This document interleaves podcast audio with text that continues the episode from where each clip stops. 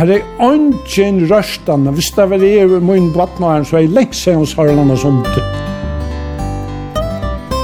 Da han kom av gærgen, ta hei han bare en kikk og tve gassabør, men kjøtt hei han 15 kår og 300 seier. Så fann man det at her var det nægre ekningarskurene nere, som gjør det til at man kunne kjenne seg nøkker øyre.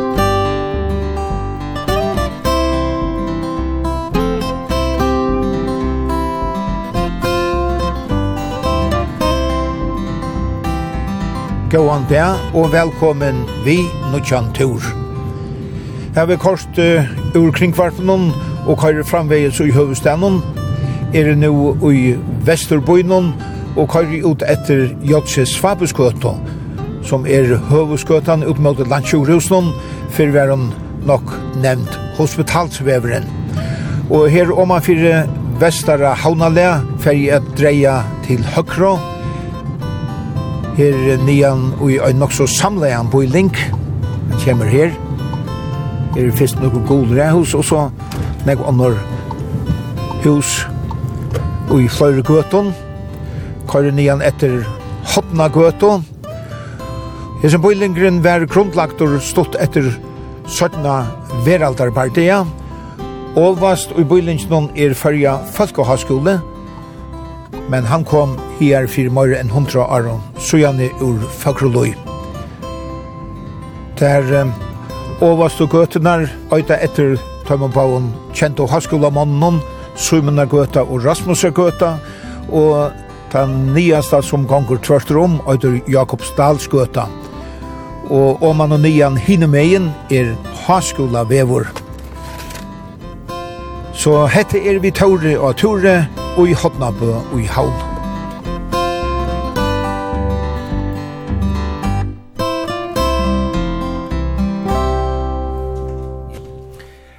Hetta er á Háskúla vegi Seichan her i Hotnabø. Her bor Jakob Jakobsen sammen med familiene og Jakob Jeg skiljer at du er bei oppvaksen her, og du bor til framvis. Ja, vi flyttet her til i 72, pappa hei byggt under hus eh, så i Trysjnån, og så, så omlag og fjers byggt han hus eh, i Esterbøynån, men eh, mamma, hon langt så ytla uh, i Vesterbøyen etter. det har funnet dette stikket her, og så så bygde jeg i 2004, og jeg har bo her off and on, altså jeg, jeg har vært vekk noen år, men så i 25 så kjøpte konan i husene. Så vi har bo her, så jeg tar. Det gjørs nok sånn jeg vet det, altså. Vi hadde nær brøtt øyla negv, som vi byggva, men ellers de suttja nok så lyka ut utanfra. Hette her er så det er sørsta stikje som var ledet i Hodnabø. Og her var godt å vekse opp? Helt sikkert. Hvis man tanker på å være midt i bøynen, til stort til alt. Vi har skoler, vi har sjukhus, vi har skivasmina, vi har midtbøyen, og altså, så er, altså, vi er midt og bo innom, men vi er och en liten bygda samfälle som Hatanbø är en men man man er sin stolt av å vara från Hatanbø och lukka. Det var så helt otroligt när på Hvis vi sier mittelen 3 til 4 bøtt, så råkner vi at det er ikke rettlærer. Det var faktisk tver aldersgrupper. Det var ute i yngre gruppene, området som vi spalte i var først og fremst Hotnabø. Vi tatt rundt om Sjåmannsskolen, vi tatt plenen oppi av Vengerskolen, og vi tatt Sandager, for helt i Sandager, det så så og så tatt Alager, og vi tatt Skibasmina, og alt det som, ta så at det ikke akkurat så løs ut, Her var nek mer speleplås ta enn det nu. Og nu er alt bygningar og, og asfaltera, men altså, dette var et paradis for bøtten. Och vi var alltid en fyra fem som som fylltest. Vi var nok så jämn gamle. Og nu bygg vi overast i Hotnabø, uh, bant i av Haslanon. Det er så just her at vi har var just en gruppe her oppe, og så var en gruppe längre nere i Hotnabø. Og jag tänkte att det helt hälsar kanske løsning for seg själva. Her var tvei som kom ner hända veien. Og jag alls ja. Vi, vi pjødst omgang til för att väck ur Hotnabö. Tror jag att här var det tvær handlar, det var Edwin Thomsen som hei en handel i Rasmusargøte, Midtaskøten her, og så var det Hotnaboen, her nere av Jørgen og Haslaven her som bant er aktiv som aktiv nå, her var en, en, en kiosk, og så var det faktisk, her som køyr om man av Kibasmina nå, eller man mest, her var Aldebaran, og vi tatt tvei verste og eina smie, det hendte så reale nek vi hatt men her var, her var nästan allt. Vi hadde uh, kjellstøyna ta, som nå er magt, Så og vi hadde sjukhus og bant hinemena, og vi hadde sjåmarskolan, vi hadde høyskolan, og altså det var øyla nek. Ja, og vi hadde trutja bankar eisne, ja, for søren. Vi, vi hadde sjåmarbankan her som er aktive nu, og bant i av her i kontor i det. Uh, her var uh, førja bankje, Og så her som Aurora hever, det er en frisør her nere, her var spærkassen. Det her hever alt. Altså, jeg minns, tvann morgon, tutsk mot tjej, eller hermlei, ta rann i åman til uh, Edvin at kjøpa franspray. Og jeg minnes godt ta i franspray blei orga dorsk, og ta fall oppa 30 kroner og 5 øyre ta helt vi ta vers fransbrød blir rævlig dårst. Og han heier en ost her, og så sier du, jeg skal være 5 kroner i ost eller så. Så skär han det av, og, og vi er i dag, og han og så. Det var øyelig charmerant. Det er nok verre i midt i kanske kanskje opp til setning helt av alfjersen. Det er flott her til over fem år, og ta vi her spelplasser kanskje inne i Hodnabø. Her er bare gåminner, helt sikkert og ta man så blev sin äldre ta så där tog jag vi är så begynt man att färdas om man måste köra malan så fann man där tog att här var det några skorar eller äckningar skorar eller som gjorde det här att man kunde känna sig några öre här var en fyra båtar som har silt ut från havnen ta. Jeg platte alltid at uh, for om man uh, særlig leier det her, eller hvis det var ferie og så, så får man om man og en til en, tvær, tre, fire, fem stamper, jo, jo eldre man ble, jo sjådere ble man. Men jeg minnes en av de første feriene for dem, jeg vet ikke om det var første eller neste for dem, da fikk jeg en, en stamp som var en fløtja, det var nok vært en kisa ta, men altså, og i munnen hadde det vært, jeg minst, jeg stod vi i truttjaren, holde man tog meg i sånne stampen, ta var jeg synte kjetter av, jeg var bryr på, det er, men jeg kom jo da, og jeg lærte reale nek, men vi tar jo anlegger eisen, Det sørste helt fag i åren er det brøtt, Men åren ta, ta vært det faktisk en sånn liten dunne hiler her inne, som vi pleide å gjøre flækar, så han tar og i, mennene rundt om omåkene her, og gjør som forskjellige husene, hadde løst ut, så finner vi tundekassan fra dem, så vi kunne gjøre tundeflækar. Så lå vi då og fiska her nere, og gjør løgner og trål og alt sånt. Og konan i husen hon, Leila Tjurus Jakobsen, hvordan er det at bygge i Hotnabø? Det er deilig at bygge i Hotnabø. Vi byggva midt i bøynen, vi alt det som bøyren her er bjåa i det. Men så samståndet så er vi, jeg synes ikke utenfor her, så er det frialig her i Hotnabø. Så man hører ikke så nek til til at man faktisk er midt nere i bøynen. Så det er deilig, vi tror oss vel. Jeg skal ikke si at jeg bøttene våre løyte, eller ta sakna jeg synes at jeg var mer bøttene i kvarteren, men men vi vi bara vi tror oss väl. Ja. Og tror att akkurat kom ur arbeid, har du inte? Nei, det har vi, nå er vi uppe arbetar uppe inte så det er ikke alltid at jeg, är vi arbetar ju før, det var steilig og stort men nå kommer det sindre an på vekkreisene. Men um, det väcker ju godt og så så da de ju vel att en gang kan där vin. Ni får bo i plantagen att han vet helt ja. Hvordan er är det kvinnorna er her kommer til sammen i Pinteklubben i noe sånt? Nei, det gjør det ikke. Ta vidt, akkurat som begynte at, at, at husast her, ta var vi faktisk oppi ut av den yngste. Så nei, det hevde ikke vært. Men ikke tog vi snakket med alle grannar, stek fytte grannar rundt om, men, men til omgå det ble nekka sårt vi at man gikk nekka særlig inn til hverandre, det halte ikke, nei. Vi bygde trutja familier her i husen. Vi kjøpte husene fra svigerforeldrene i 2005, så får de i kjattlæren, og sonen til åkken, han bor i Svørge, Men døtteren til åkken, hon bor så over hattene, sammen med tjejen og tjasser. Så vi er trutja familier her i husen nå, ja. og vi talte faktisk det fineste slet. Deilig og hyggelig. Og bøttene, det er alltid vært glad for å ha omnå på den tatt på. Og nå, nå er det hunderen som renner mellom hattene her.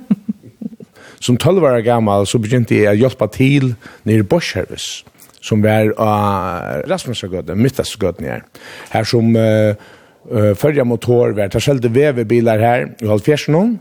Och så kom Jekon Hans Johansson, Borschev, så kom det in. Og nok så kjøtt han til å være uh, byrja, så begynner jeg at hjelpe til her nere. Hette her er aller, aller første forskning. Og jeg spør som læreplass på denne veien, til at jeg kunne ikke bruke til skolen.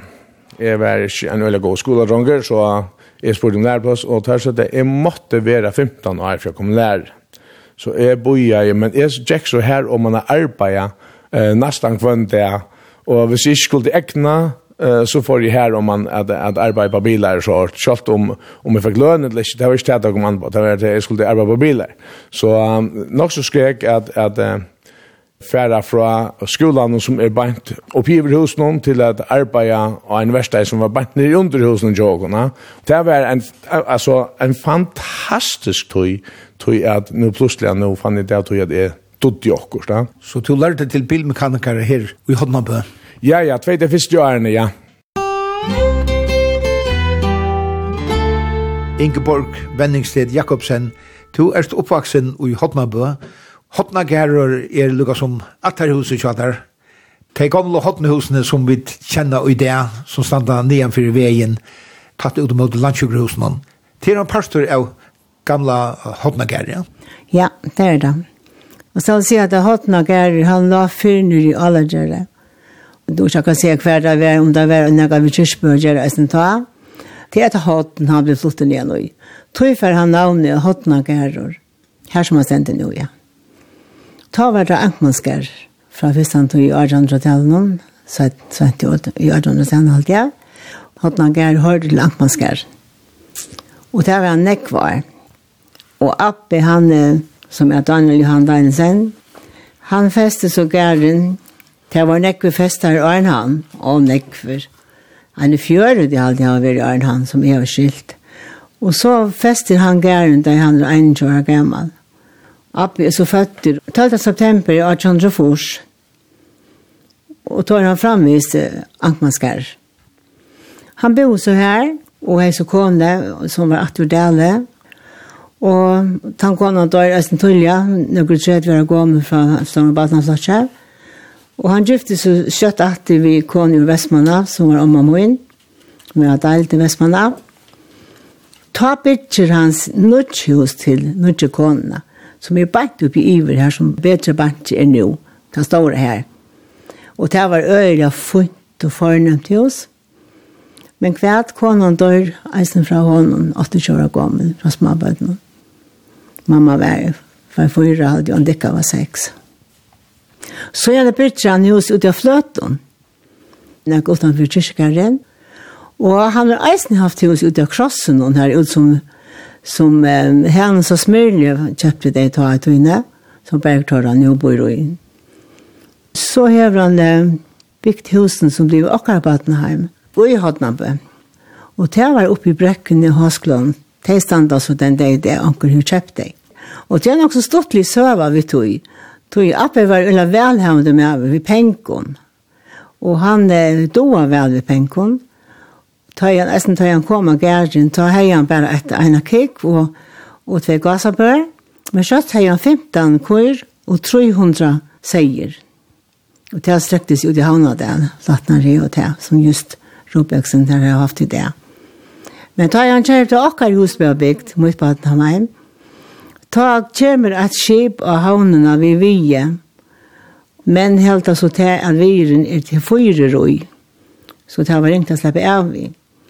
Men Appi, han sa til Ørvese, han er jo vel av penninger vi ser, som alltid, han får unga tomenter ut. Han kjøper alle lastene, som han er. Og så får han bytja hos, og det hos stender enn den det der, så fyrer det ikke være her. Det har vi alltid sagt om Appa min, Han skulle lese tverbøker, det var biblene og bankabodgene. Men han er då fantastiska vel. Han er jo nekva ut, tror jeg sier. Han fikk nekva koner i havna binda førska trødger. Så igjen som han selgte av landen, og han er okkur samband nere i Danmark. Hver trødgerna ble selgt der nere. Så det var fantastisk.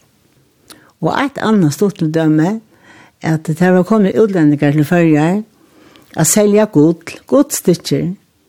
Og her har han kjøpt seg tvær sånne påser, sånn som meg, tøypåser. Vi godle, til mamma på det spela vitt av seg, hun var bad. Og jeg fikk eisne godstykker sånn. Men hva det er, jeg tar det god i det. Så nå kom utländske folk til førre hester av menn, at kjøpa godstykker fra honom, som han så gjerne selv til alt, og fikk nekvann penning.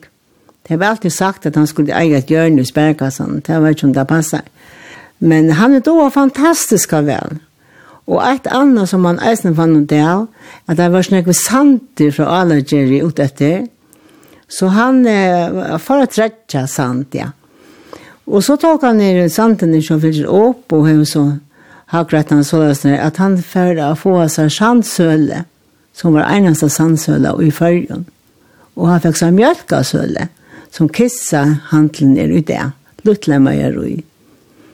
Så man må si at han er veldig fantastisk som han er veldig, altså, jeg vet ikke hva jeg skal si om han, vet han til høytte noen. Vi smarster. Jeg er sånn stort, jeg er sånn lise leserbrød som tar jeg opp på døye, hun døye i 84, og hver og, og havna menn han var skrivet om, en hvordan fantastisk han var han får ha fjall sjolver ensamadlig ved øtlen som han sier. Det var en, en, en type for sjolvan. Og han har trutja hundar, og her kjent det praktiska atter, at her ite kom her fram. Tre år besøkt av fjallet. Kom her fram. Smart. Og ikke hovastak. Og jeg har eisen hørt at han skulle være utrolig hjertak og vi her som tar trangte til. Altså, vi er ofte så utla til til han er på hese bjøltøyre hver han engte folk vi vi en øyre. Eller han kjøper det eller akkurat.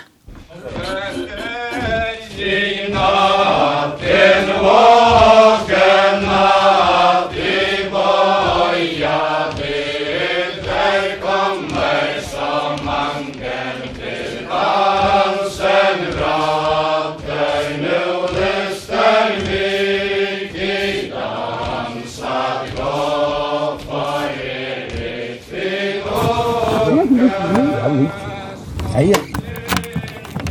Ja, ja. Her er hun, ja? Vi var her, det var Østermøller, Sistabøn, sånn her. Ja. Det min om min Sistabøn, jeg kommer hjem en tur nå. Fem mann sier, ja, jeg ser for om han her. Jeg ringte etter at han gav min Sistabøn som er rett til fokla for det eldre vi galt det. Og så får vi det om han her, setter bord opp, bare at vi kaffe og køkken. Ja jeg helt dette vera bära så vidt underligt. Ingeborg Venningsted Jakobsen, nu er vi inne i Atterhusen tjadar. Dette er gamla hoppnehusene som er varvått og som ja, kommunen øyer, det er Torsjane kommunen, og Havnar danserfela omsidig det jo, bruker det, og jeg så finner ikke likil fra tøymon. Men uh, hva sier det til å komme inn her? Altså, sier meg alt. Jeg føler enda hitan Og det gjør jeg, altså, jeg elsker det.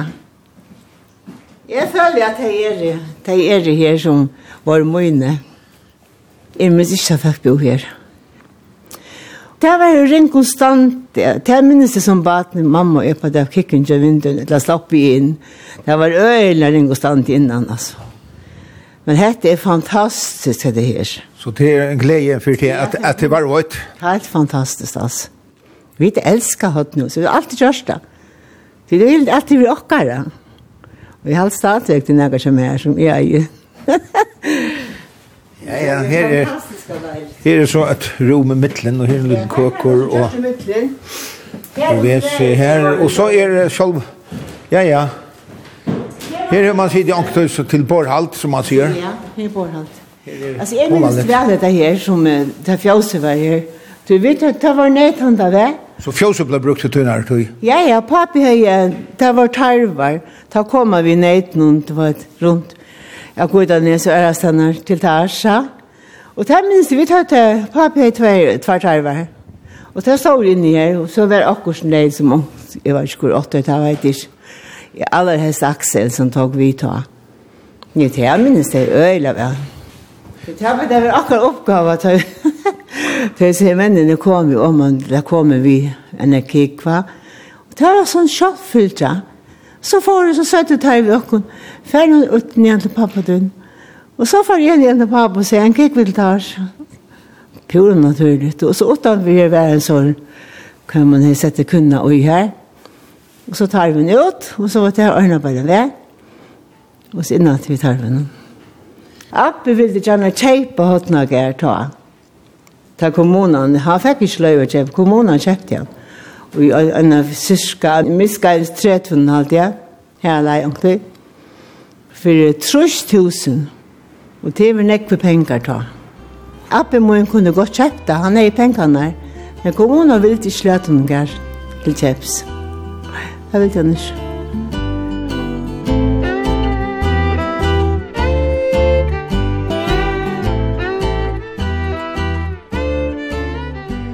Ein av hodnabekvunnen underviser her av Førja Folkehøyskola og i Løyglist.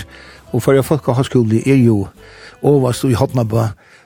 Susanna Torger, du er ikke lengt lærbois. Nei, du, jeg kan leipa sørste sysseløtt. ja, jeg bygg vårt den nere symna gøtt nummer tjei, så det er kjøtt som er renna nye.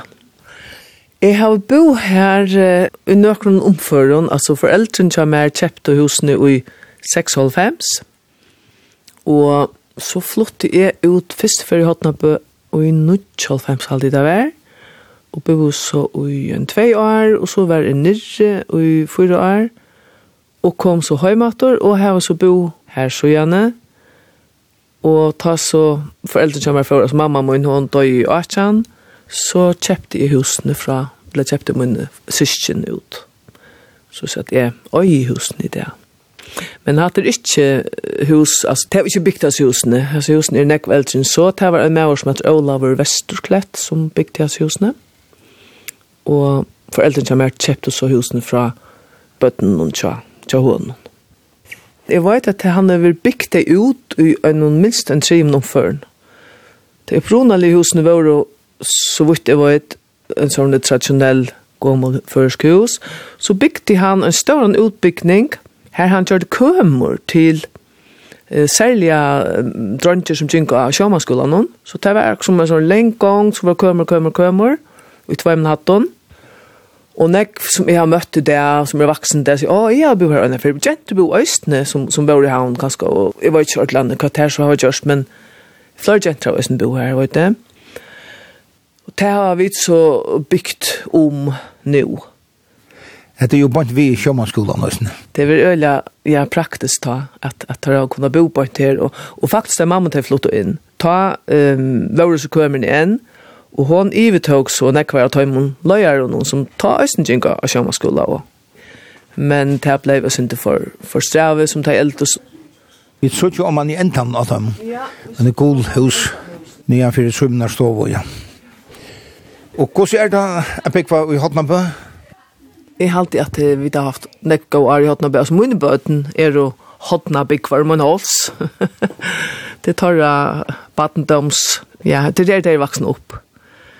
Men jeg kjenner meg ikke ordentlig som havna folk, og jeg er jo vaksen opp i Kvivuk, og jeg sier en nøy.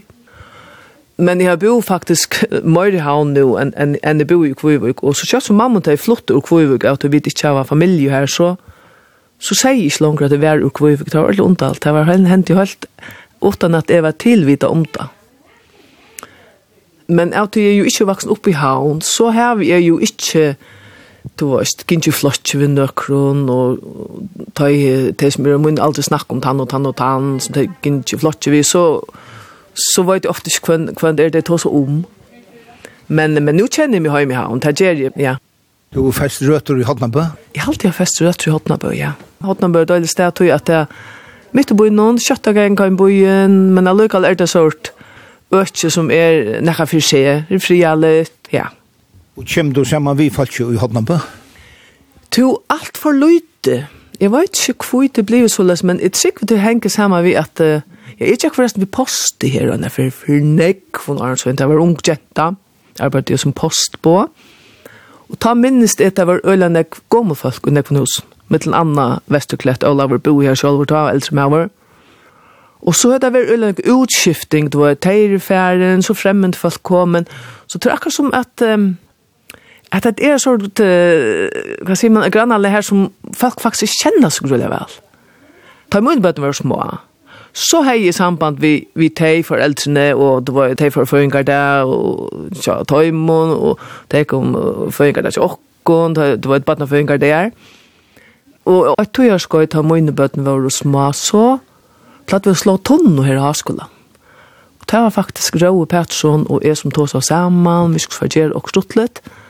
Og så halte jeg en tru år så, så slett vi tonno her, ta kom ødelt, det var og så foreldrene til åkker, åkker bare kakk, og så.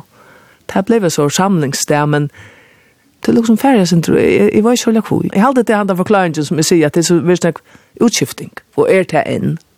Men kanskje kunne dette være første sted til det, vi får jeg finne på åkkerst, åkker felaks. Åkker til høyskolen? Det kunne jo være så opplagt, vi tar jo omstøvner, vi tar jo en dårlig høtel, Så kunde bjóða dem en öllum og skoj her. Ja, öll kunde koma sjón og skoj. ja.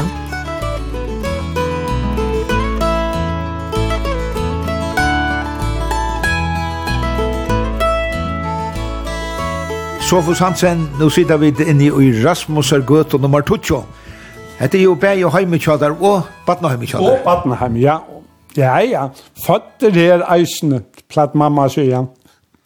Så jo, jo, her er godt å bygge vi Hotnabø, og jeg har ikke kunnet tenkt meg å være nærkere æresten enn i Hotnabø. Det er øyelig enn jeg brøtt fra at jeg ble født her og, og til det enn det. Altså, nå kjenner man nesten onkan, før kjente man ødel, kjalt i uh, rettjusen, kjente man ødel som bor her. Og der kjenner man onkan. Hvor spør det til? Till alt tillflytare som, som kommer her til. Tui verre, man kjenner onkan og man ser det bare at att nutjar er oppe i Sjömarsland, ta mötas ødler uppe. Ta ser man at folk som er ur hotnapp. Så er sa man det i chatt. er eneste fer til samlast? Det er eneste fer vi samlast, ja. Tui verre. Folk har verre tui i det. Ta gånger vi fotlar fer og Ongen hever tog a prata om nega spelst. Tog er verre. Hopnabøver og Bøylingren, er det en kipa utstikking? Er råkner vi at det er en kipa utstikking tog at veveren er husene ligger alt parallell vi hver annan, så er råkner vi at det er alt en utstikking fra trønne til Hopnabøndan. Det råkner vi, ja nøkker hus er bygd, ja, det er bygd fra, fra fjørten og første fjørten til uh, søste og trusen er med en parten bygd. Hette huset her er bygd i Holtrus. Det huset kom natt her pleide vi å spille klatre i husen som, som ikke var ferdig ta, men som er ferdig til det. Det er for nesten baden av huset, hun var nødt til å ta i hodnabanden, fikk kjekve til tarsj så platt man er færre og hjelpene hodja, og vi fikk alt og bort rev, og det var ordentlig en et opplevelse. Vi pleide å være inne i hjelpene, og vi, vi reka, og ja, ja. Ta vi pleide at uh, skreia løms fra Sjømorslande av, og løyk om kajina, og ta vær åndsyn trafikker. Vi pleide å skreia fra Haskland, og så pleide jeg onker at standa helt nere og slatta vi og se fra når bilen kom, så kort man fotlar for om man etter. Det var ordentlig stort. Og så hørte vi alle gjer, her spalte vi negv, og så var Santa gjer og altså man fikk karm, eller vata født, det gjør det kvarskje et eller annet, så platt ut av færre iver og i skipasmidna som nekverer bøylingar av gjørst, og stål uh, jollene fra dem, og så får vi da rekva, og, og hvis det er så repte, og var ordentlig så parkerar vi jollene i, i kongabrunne, og så får vi det sted, så måtte vi iver etter den. Ta datt man ikke kjekk, og ånden her i redningsvest, ta vær ånden feil fyrt. Og det må man ikke. Det er alt feil. ja, jeg husker jeg snumt at, at uh, en flætskiv lin i allerkjøren, han er li her i en tvei trujar, og ønsken her i røstan. Skilje ikke at ønsken baden for rekve og en flæka, flamingofleka, virkelig deil. Og så husker jeg eisen at her utanfor vær, at vers kommer sett utanfor, og Her er ønsken røstene. Hvis det var det i min vattnaren, så er jeg lengt seg hos Harland og sånt. Steinene? Ja, jeg har steinene i Sørlig, ja. Tog det var, det her var nek stortligere. Så er man rundt i sted hvis det kommer jeg kjelta. og så pleide vi det at sparska, vi hadde her som hospitalet er det eiregere alt det, det er åtte vid alt som spelplass, og her gikk øyelig hardt fyrt vi kvarst, og det har vært nekst, og vi runder rundt, klatra i bungera, ikke folk, og, og alt. Og i det sørst du ikke folk ute som spela 18 klant fyrt som deg. Ødel sitter og hittar teltet, og ødel rikker til til nottera og alt det. Ta, får man ut, og så ble man røpter inn hvis man skulle gjeta. Hvis ikke, så... Ikke spurte hva bøttene våre. Man gikk bare hus og hus som baden, og hvis de åtte, så fikk man eta bostad av. Det var det vanlige. Vi gikk ikke øyne nek inntil hver annen ta. Ja, ja, det gjør vi. Og rønte jeg finne og spyrja om det kom ut og spela og alt det. Det var faktisk det vanlige. Og i det eh, gang man slett ikke inn inntil hver annen. Her rundt omgang man ikke inn inntil hver annen. Vi er midt i bøyen, det er stått hjemme i bøyen til dem som alle søker søkkertøy, og alle søkken være skala, tror jeg. Ta være, jeg løyd i eget blikket jeg gikk hjem, og ta kunne man ikke teka bilen fra Hotnabø, alt og at jeg ble sånn nek, uh, nekve biler som tog parkeringsplasset, tog at dette var det nærmeste vi bøyen, eller vi skala, tror jeg. Nei, nei, her, her måtte man ansett, men det var deilig å stått jeg gikk gänga heimbojen og så fikk du alltid besøk du fra folk som gikk ut av tratt. Og så fos, uh, Du har vært portører i mange år. Det har for vært ut ved en 40 år, ja. Nå må jeg det vært slutt. Nå, jeg har sagt opp, men jeg tar ikke omkring vakter av allikevel, at han har til. Det er råkner vi. Og så har vi eisne høner, dunner, gæs, og de har det alle så. Og, og en hundakvap, så jeg får nok togene genka tøyen renner undan og erne kom alt det som skal gjøre. Så er man håndversker i eisene, og her ganger nekt tøy eisen til det, så, så det er ikke problemer for tøyene ganger. Kona sier BNB med færre til pensjonister, men her er bare gamle menn, så er ivist enn.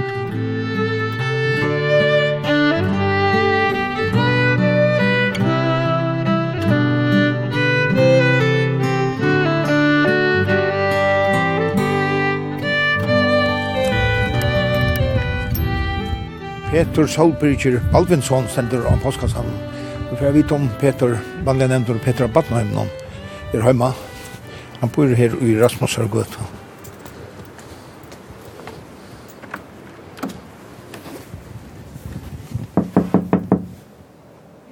Hallo! I'm from the mauer.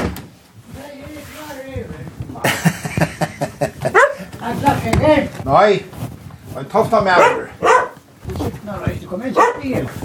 På det, på det. Nei, Gustav! Åh, rädda Torrel! Torrel, åh, kom, sett det, Torrel, blessa, blessa. Takk for det. Blessa vid min! Nei, hva er det, gera. Hva er det gera? Er det, er det, vi tar ju tur i Hotnabö. Åh, gav man sig vid i kammar. Jag sitter akkurat i lort, det är väl en Jennings. Ja, ja. Och, och han sover. Einar John. Veiland Jennings, han er gaur, va? Ja. Lort at du den ekvet honom. Og han sjølv er veldig kalt der. Ja. Lort den ekvet, ja. Jeg sitter her og hukker meg, og lort er noe sekk og alt det der, og har vi hundar, og satt jeg etter kjøtt og så her. Er du fløyre hundar? Her er hese på, det er ikke bensje, det gjør han. Nei, nei, nei. Og na, da er tål, stå! Jeg ble lort etter. Ja, ja. Ja, det var interessant, det er stå.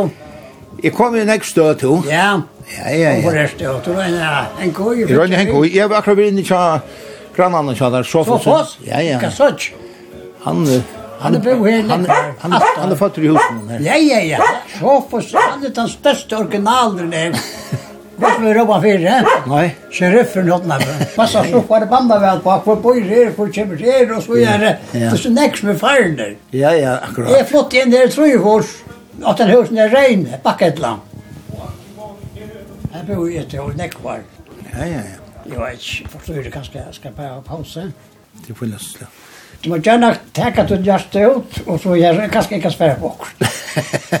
Du kan veit ikke, det gjør som du vil, så gjør jeg, og kan det enda til spørning. Ikke? Ikke? Ja. At her kom jeg sammen med en maraton. Finalen måtte vepe 1930. Og du klippte ut, ja. Og så har vi noen bøyler til her, heisen av... Uh, Ja, gamle varkan her og fyrst deilt. Å, oh, ja. Og bøyleier her, her blanda 60 så hoppet jeg bøyleie, spalte mot resten av fargen. Her er, her er jeg her, og taurer, her nekve deier. så vær Ørslite? Vi vunnet, vi benka heila norsk, ja. du kan bare til at du, altså, er blitt så, og i mynden av 6-3-2? Tror jeg falt meg heim her vi følte meg hjemme her. Her fikk jeg kjærlighet og kameratskap. Jeg skal fortelle at jeg tar det mye søves lengt. Jeg bor jo baden med Vestmannen for sent da. Vi ser at det er på pena matta, så er det en par starter. Familie her, familie der, så jeg kan betale, kan jeg faktisk så sett gjøre det samme. Men jeg er så familie. Og de kom med Østlandet og i havnet. At det er ikke åkken der, Grimsøy, Her er vi verre. Du vil ikke si. Ja. Han er nesten utrott han jo. Tror han at vi er her? Slapp onkan så lengt. Jeg var under for fløy ut av Grimsøy jo. Appa min kom fra Grimsøy, amma min kom fra Husavik. Og nå er han 20 noen. 20 er enig i sykofær. Kom til havnar, bosess i Klaksvøk. Og ein av sånne tar et simpe, Sigmundur, til papi okkar, papi Moine Baldvin. Han kom til havnar, han frutja vi en døtter til Rasmus i Fondestove. Jeg finner han mer på alt vi. Men jeg var ikke felt det. Jeg, vi bør så kåre badna med, og vi kom til havna i 55. Og jeg regna plen å spille fotboll. Jeg har ikke selv gav og gav å spille fotboll. Jeg elsker å spille fotboll. Jeg prøvde å sparka for meg selv. Og så var det hoppet han der, og med en passende var hoppet kvarteret oppe i han. Det var alt hoppet. Men Jeg fall, jeg fall for på sekset. Det var så prakt på vinnerskap. Jeg følte meg heim her, det var mot. et heim for meg. Jeg følte meg drævlig av vel. Ja. Det er kjørt og framveis. Still going strong. Det er til mitt at kjent det. Fotball er opp og ned, kjenner jeg. Tore, det kjent alt til. og man sikner øyne, og jeg stod til å kjent. Ja, det var så slag kommende kolvkjøtt her, det må jeg si, ja. Man er ofte sent av, av fotbollsvattelen.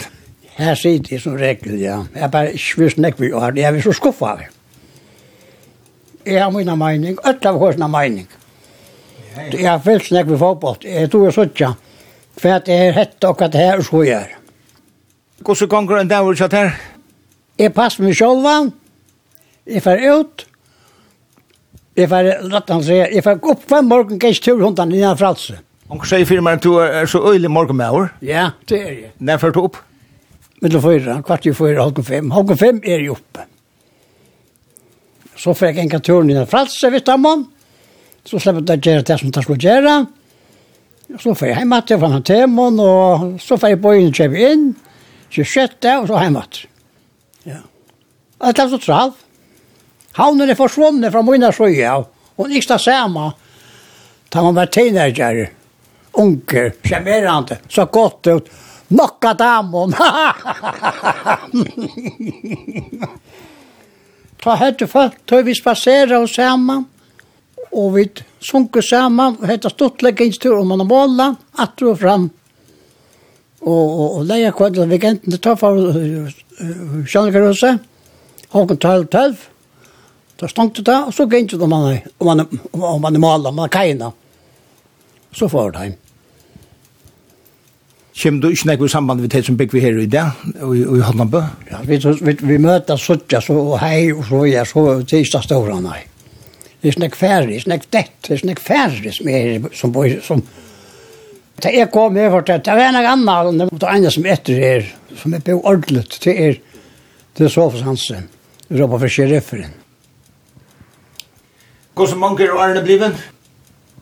Ja, altså, jeg må bare det som ville si, så er noe jobb jeg. Det er det. Det var rundt mest før? Ja, det var rundt mest før. For søren, altså. Det er mye strutan, det er mye kund land der. Det sier man som er rever og i nå kjøp jeg så det kan. Det er nekk fyr. Det sier man bare tomer og man fan sitter og fantaserer og fokuserer Hva nå? Hva gjør vi nå? Hva gjør jeg nå? Og så framvis. Men jeg klarer det, jeg det gått, jeg lever godt, ferdig, for meg hver morgen, for meg løse, og havra grøn, et havra greit. Yes. Det er ikke god om botten for dagen. Ja, det er just vi var smadrønt av Bø og Vestmann, det glede kort, alt løse og jakon, og etter fikk vi romastamp. Romastamp fikk vi, og synte sukker det over. Ja, og det var ikke kort vekk. Nei, nei, nei, nei, nei, nei, hon offret at det var ikke med, så det vi bare, og det var ikke med, det var bare køyre i. Så jeg tenkte det, det jeg får meg løs, men ikke nå får jeg meg helt tablettene helt, det er nemlig svelge. Hitt er bare, så det harskot, ja. Man kan få det hvis det trån snakker i, men jeg, jeg svelge den og vattnet, så får jeg gjort det. Jeg er bare ikke kjent om jeg, I'm still gone very strong. Hvordan er det der håndene kjenner? At det skikk, og hit etter, hit etter Mike. Sånn må en eier han, Sigmund. Han er Mike, han er, han er broen der. Jeg ble ikke nekk var i havnet. Jeg, jeg kom i fem baltrøs, og så var tøyen kom, og jeg skulle ut, og, og, og jeg var 600 år gammel. Jeg får så, og Andreas Køp lærte bækker og kom dit der. Oh, ja. ja. Da var det. Jag har inte blåbär, jag Kom in. Ja. Kjør ut på männen. Nå sagt han. Jag har inte blåbär. Jeg var nöjtjan her, bitte 20 samme her. Uh, utan konditter og bækaren. Vi raus sveinatitje. Ikka ikke. Vi raus. Peter Solbirger Baldvinsson. Yes. Fötter 14. juli 1923. Sveinatitje. Yes. Bägare og konditare. Yes. Plum og Det er ikke fag, men det er tvei fag. Torshavn 18. mai 1933, så det er en løtta så gjerne. Ja, gå. Og ja. I wish I was a teddy bear. Hey! Att det var ju musikra det, yes. I wish I was a teddy bear. Ha! Come on, swing it, baby! Hurry on the way! Hee-hee! I wish I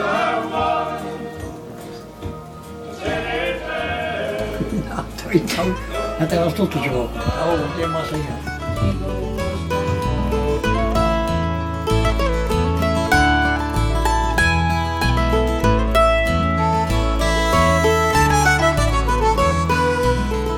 Hette er og Harskola vei i Kjei, og her inne var det for mange år siden, og hver konan i husen han uh, fylte Soria Speril, eller Arke Svala. Men uh, hette er ikke holdt av samme husekortene, selv om det er uh, samme adressa. Elin Arke til tid som uh, bygger vi her nå, men uh, hette er han i andre hus. Ja, det kan man rolig å si, ja. Hette er... Uh, Vi er akkurat flott inn i uh, Nutchus til tvær måneder siden. Vi kjøpte husene til Omme her og Haskelavennen, og Vagn uh, Nilsen, han bor jo i Demonta. Uh, 18 av Omme var deg, så ble han byggvande. Og han var så flott til Danmark. Så kjøpte vi husene fra honom, og det var faktisk så ringkostante at vi valgte at det var nok så sorgligt må jeg si. Men um, Benny med min, som är typ Maver och mamma nog säga fag fag Maver. Han han heldte at det var bedre at vi rev husene nye, og så bygde opp at han ikke. Det var en kamel jeg skulle sluka. Så jeg har vært i Øljan jag var en minner herfra. Så. Men jeg er nok glad for jeg jag känner det. Det var vet han rätt avgörande. Ja, ja, i det absolut. Alltså han som rev det ner och planerade under hos. Han han säger gossur att det var något så svansigt under här och det hade nok så godt att vite. det torst og gott under hos någon och som er ikke för forskjellige källor som man överraskelse.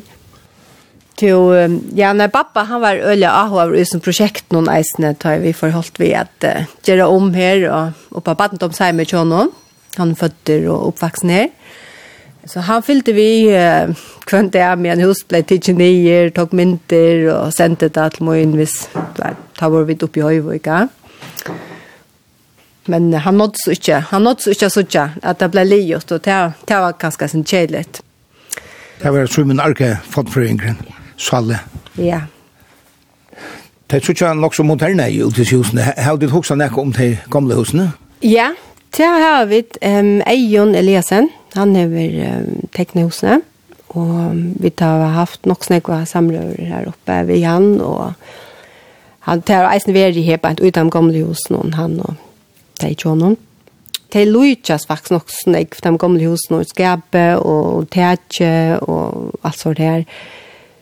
Det minner jeg om huset som stod her og er den.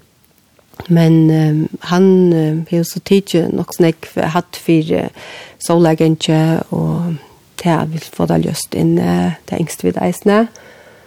Og jeg har gått uh, utgjørt. Ikke tog det var det eisen frem og undan. Jeg var øyla godt av være her, så øyla var godt da, at uh, jeg var øyla godt av være for eisene. Om jeg har en øyelig gå en hava som hun var brukt nekva tog på og passet vel. Men uh, det har vi så eisen rundt å få godt ut i øyne, men har vi så forferdelig ut nå. det gjør han, men han må jo rønne på større på. Ja, så til dømes uh, køker og, og oppgjør så var han jo ikke for.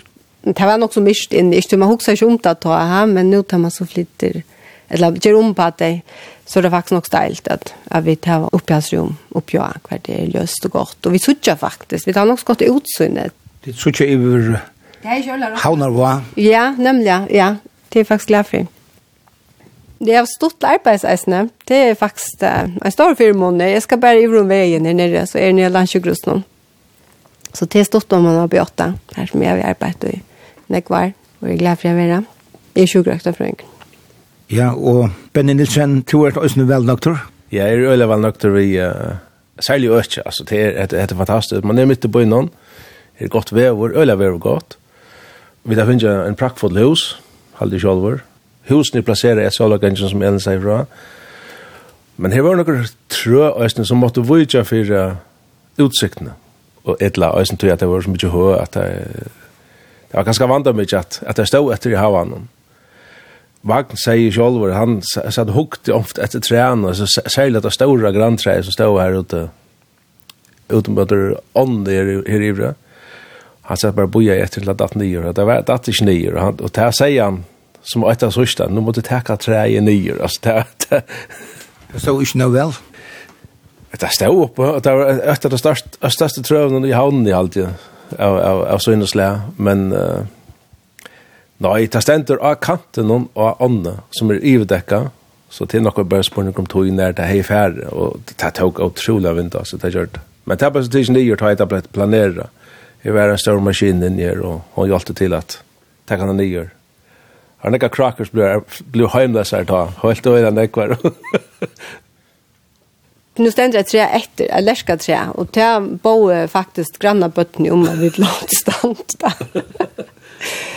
ja, det är det spel och jag bara inte. Och det är akkurat, tror jag rundan om blir tidigt borster så sa vi det här var smuja i, så här ett trin på alltså så det, som det brukte till att klättra i trän och vi och det har bötten långt haft en stora glädje som kom på besök. Nu är snygg på ett nättrihus nu Jakob. Så har man på vår sida när kasellet? Ja, absolut. Jag väljer redan jag, alltså jag allt med lov. Sälja som ganska som batten och er virkelig deilt å være her så sida det, men det er veldig veldig godt, og tatt på, på bojen, og ja, jeg er glad for å være her, da, vil si. Da vi flyttet hjem i Danmark, så enda vi opp i Høyvøk, det er atle i ikke ordentlig, men vi har haft uh, fyrstand gå år opp i Høyvøk, vi har virkelig haft det godt der oppe, men bøtten var små, men jag har alltid yngst med att upp om att bo i en så det som är uppvuxen i byn någon så det det är så kommer nu det är jag glad för det vill säga att man kan man kan gänga till forskjelligt och ja Och i stavene jag om här står så störst möbel som var sorts radio och platsspelare. Man ser det runt omkring från Trusjnån. Och det fungerar stadigvæk. Det tog vi så vidt da huset ble tømt. Og det har ju Benny finnet ju en starsfäll av att uh, reparera eller ja, det kort ganska tjacka som det skulle. Det kommer så inn at det er ljuset. Og det er jo noen forskjellige ting, noen lamper og noen møbler som, som vi tar varvet herfra. Det er alltid nok stort litt. Jeg vet det er tingene.